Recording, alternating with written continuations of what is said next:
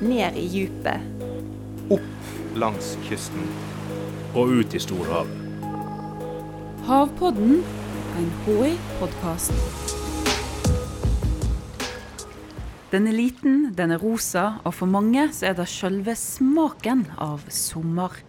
Men har du noensinne tenkt over hva slags dyr reka egentlig er?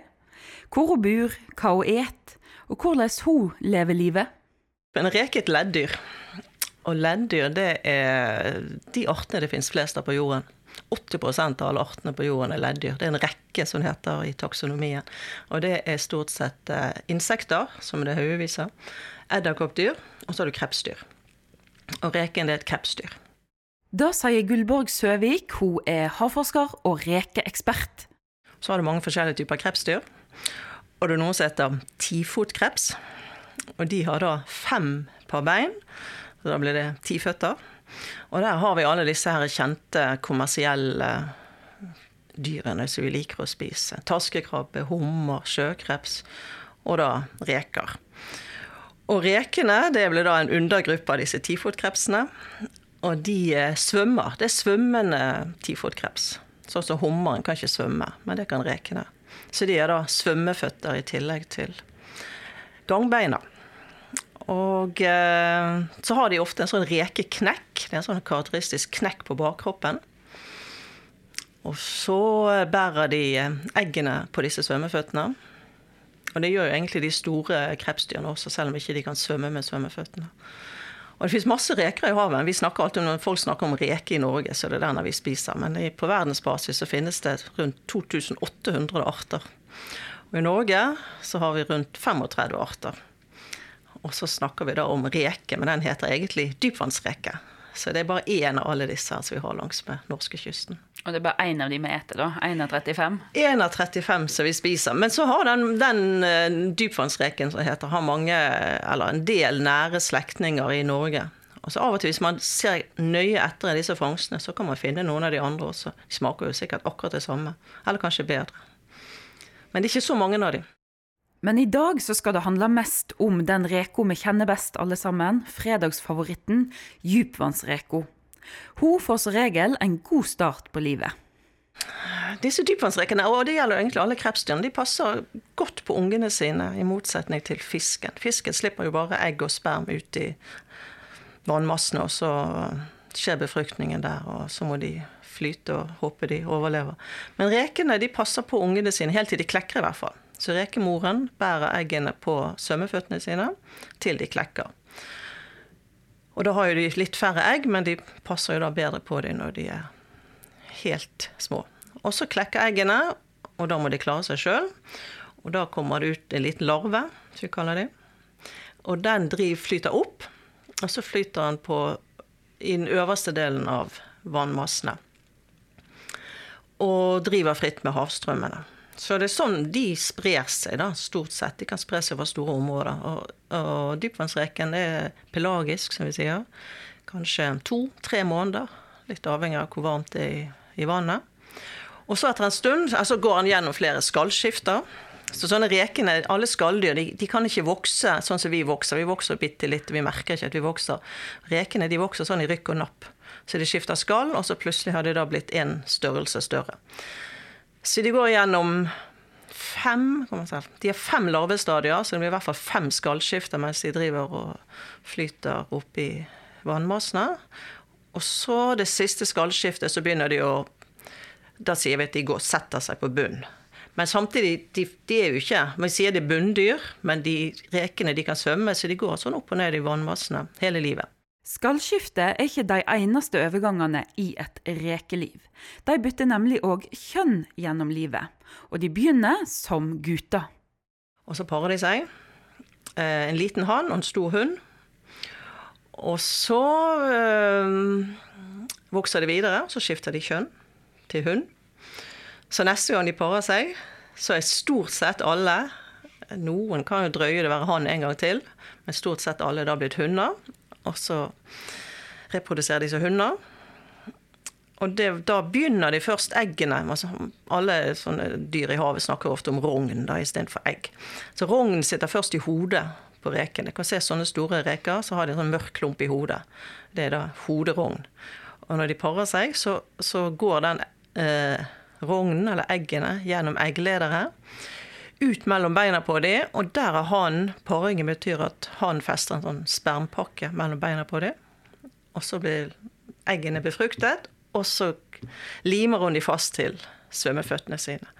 Og så bærer hun de hele vinteren. Så om vinteren, hvis du kjøper reker i butikken, så ser du at de har masse egg mellom beina. Og der sitter de hele vinteren og passer godt på dem. Og så om våren, når det da blir varmere og fint i været, og det er plankton i havet, så klekker eggene. Og da kommer en ny generasjon småreker til verden. Men hvor langt liv disse nye smårekene har foran seg, da er avhengig av hvor det begynner. For nordlendingene i Barentshavet, de lever lenger enn søringene.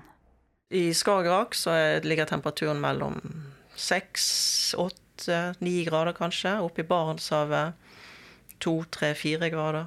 Og andre steder ned mot null. Og da går alt mye langsommere. Og da lever de lengre. Da kan det ta fem år kanskje før de reproduserer som første gang som han Så da går alt langsomt. Rekene lever altså lenger i nord, og dermed svinger òg bestanden mindre i størrelse fra år til år.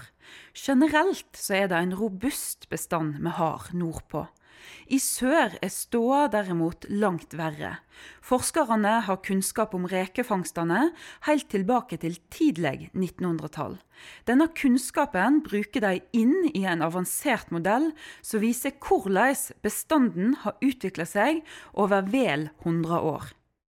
Og da ser man jo at eh, bestanden ligger på et veldig lavt nivå i forhold til historisk sett. Men bestanden ligger jo også på et lavt nivå i forhold til hvordan det var på 80-tallet, 90-tallet, begynnelsen av 2000-tallet. Og det er jo fordi rekrutteringen da har vært dårlig siden 2006-2007. Så har det egentlig falt ganske sånn markant ned på et nytt nivå med lave årsklasser. Og hvorfor det er sånn, det er ikke så godt, altså, det er ikke godt å si hvorfor. Om det igjen er det noen som spiser de, de ikke, er det ikke mat i havet når de klekker og de må finne mat. Men så skjer det av og til, så går det bra innimellom. Så 2013-årsklassen var en veldig god årsklasse. Og nå i år, på tokt i år, dvs. Si de som da var babyer i fjor, og som nå vi så som ett år gamle reker på toktet, de er det mange av. Så det Så det svinger? Det svinger. Alt håp er ikke ute? Alt håp er ikke ute. Håpet er ikke ute, men i Nordsjøen og på Vestlandet er reker nesten vekke. Det er mer på Sør- og Østlandet, og ekspertene veit ikke helt hvorfor. Kanskje er det slik at når du har en stor bestand som blir mye mindre, at den trekker seg sammen. En vet altså ikke nøyaktig hvorfor det er så mye færre reker i vest. Men det forskerne vet, er at reka spiller en rolle i økosystemene fra sør til nord.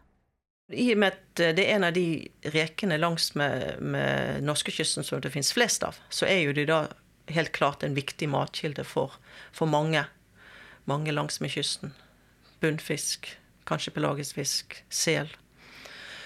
Og så har du også, i og med at de har denne transporten fra Altså de går opp i vannmassene og spiser, og så går de ned igjen. Så transporterer de næringsstoffer fra toppen av havet ned til bunnen av havet. I og med at de vandrer opp og ned. Så de har en viktig rolle i økosystemet, ja. Og forskerne de spiller en viktig rolle med sine kvoteråd. Et kvoteråd er en anbefaling på hvor mye en kan fiske bærekraftig fra år til år. Det er jo utrolig viktig, for ellers er jo det fritt fram. Og det har man jo sett tidligere. Er det fritt fram, så fisker vi ned disse bestandene. Det gjelder jo ikke bare reker. Så det er utrolig viktig å ha denne begrensningen på uttaket. Og der ligger noe av drivkrafta for Gullborg som forsker. Det vi finner ut av, det har betydning for mange. Og det er noe som har interesse for mange. Jeg tok jo doktorgrad på jordbunnsmidd på Svalbard.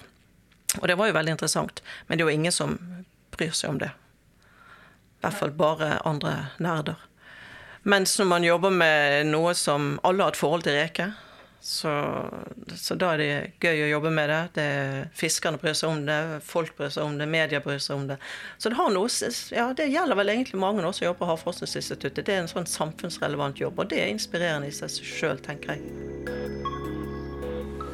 Havpodden er en podkast fra Havforskningsinstituttet. Jeg heter Stine Hommedal og jobber her. Teknisk produksjon og lyddesign var det Febril Film som sto for. Og du, du hører snart igjen.